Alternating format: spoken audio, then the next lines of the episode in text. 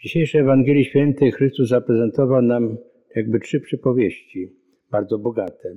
Przypowieść o siewcy, który zasiał dobre ziarno, o rolniku, który zasiał dobre ziarno i o jego nieprzyjacielu, który zasiał konkol.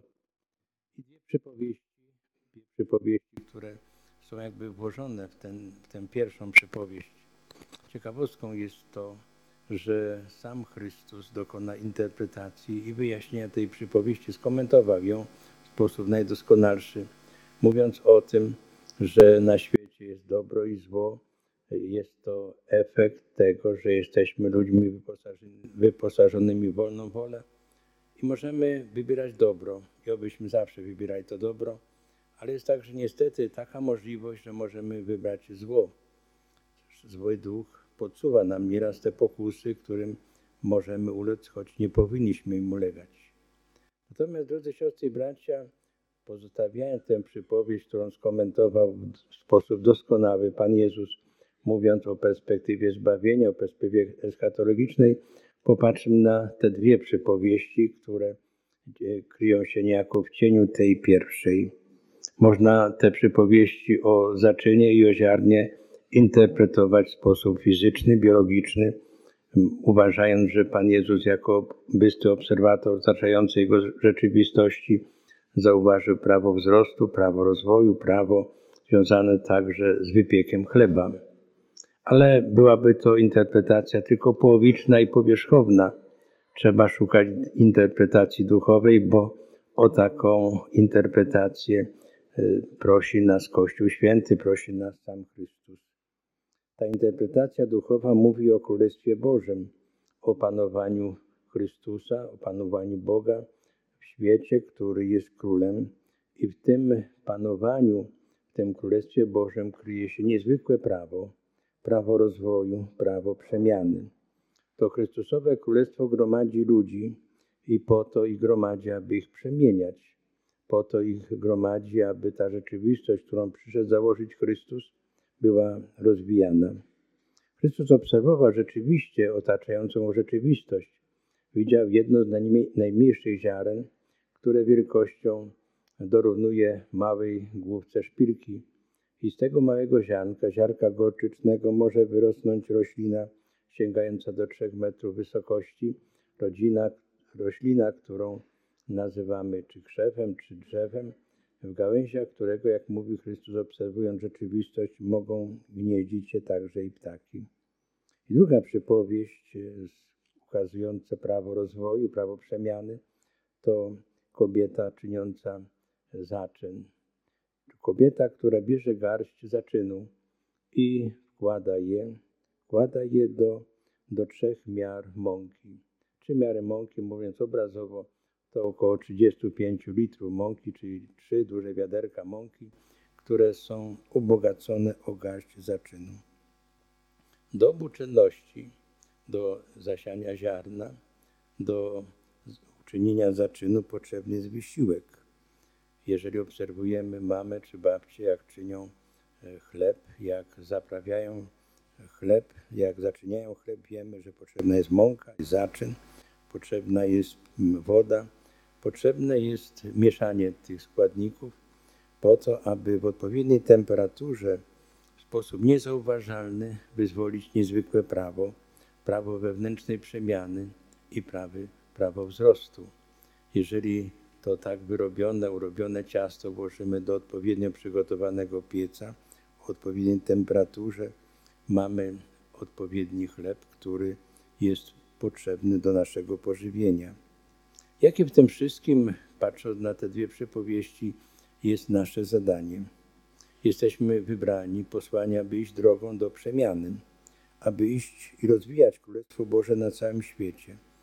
Trzeba przede wszystkim umieć poddać się mocy Bożej i powodować ten duchowy wzrost, który jest nam przepisany, uważając, zgodnie z wymową dzisiejszej Ewangelii Świętej, że dobra jest więcej, że trzeba przezwyciężyć egoizm, trzeba podjąć wysiłek zasiana ziarna w swoim sercu, trzeba podjąć wysiłek dokonania przemiany w swoim sercu, aby był rozwój. Dokonujemy to poprzez y, służbę drugiemu człowiekowi. Bo zauważmy, że zaczyn nie jest obok mąki, ale jest wrzucony, włożony wewnątrz mąki. Zaczyn działa wówczas, gdy połączony jest z mąką, z ciastem. Trzeba więc zbliżenia się do współczesnego świata, w którym żyjemy, aby go przemieniać. Święty Jan Chryzostom, niezwykły ojciec Kościoła, mówił, że jeżeli będziecie wtłoczeni między tych, którzy was prześladują, wtedy możecie ich zwyciężyć. To bardzo zobowiązujące zadanie, a także i perspektywa pokonania zła przez dobro, które będzie naszym udziałem. A więc, będąc w środowisku, mamy je przemienić w sposób niezauważalny, duchowy, w sposób wytrwały. Kiedyś, będując na Kalwarię razem z grupą parafialną, posłyszałem świadectwo ojca, męża i ojca, który miał dorosłego syna.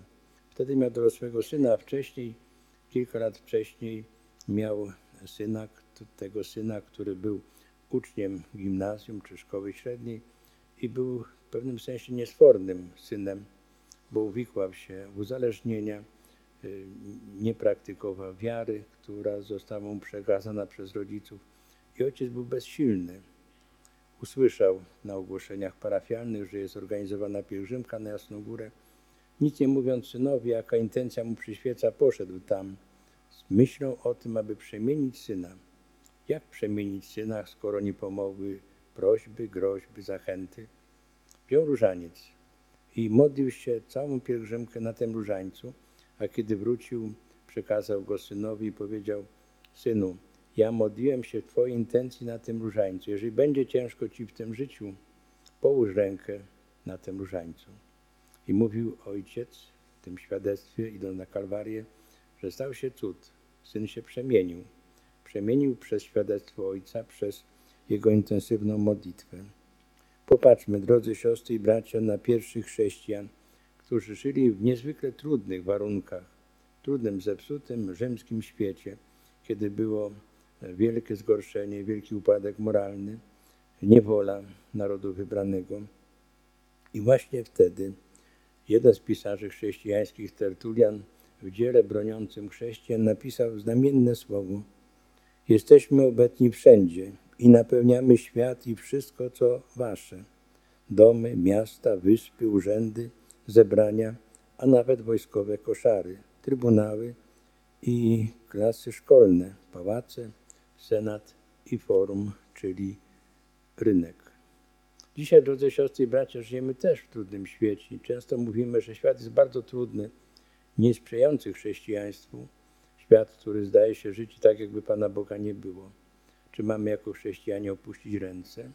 Czy w świetle dzisiejszej Ewangelii Święty nie jest czas na to, aby przemieniać ten świat, to środowisko, w którym żyjemy, także i wtedy, kiedy wydaje się to być bardzo trudne? kiedy trudno jest przemieniać kolegów, koleżanki, którzy kpią z religii, wypisują się z katechezy. Trudno jest przemieniać środowisko pracy, w którym mówi się złe rzeczy na temat Pana Boga, czy Kościoła, czy duchowieństwa. Jakże ważne jest to, abyśmy spowodowali, aby ludzie poznali Ewangelię Świętą przez nasze życie byśmy popatrzyli, by ludzie popatrzyli na nas jako tych, którzy są szczerzy, radośni, pracowici, przykładni, którzy są jako rodzice troszczący się o wychowanie swojego dzieci, swoich dzieci. Trzeba swoim życiem pokazać, też w nawiązaniu do hasła tegorocznego franciszkańskiego spotkania młodych, że tą drogą, drogą uczciwości, życzliwości, cierpliwości idzie się do Pana Boga a Chrystus pozostawi nas na ziemi, abyśmy stanowili jakby latarnie świecące dla tych nieraz błąkanych ludzi, którzy po zburzonym morzu tego świata wędrują nie wiadomo, nie wiadomo gdzie. Pozostawi nas jako nauczycieli, którzy nauczy, nauczają nie tylko słowami, ale przede wszystkim życiem.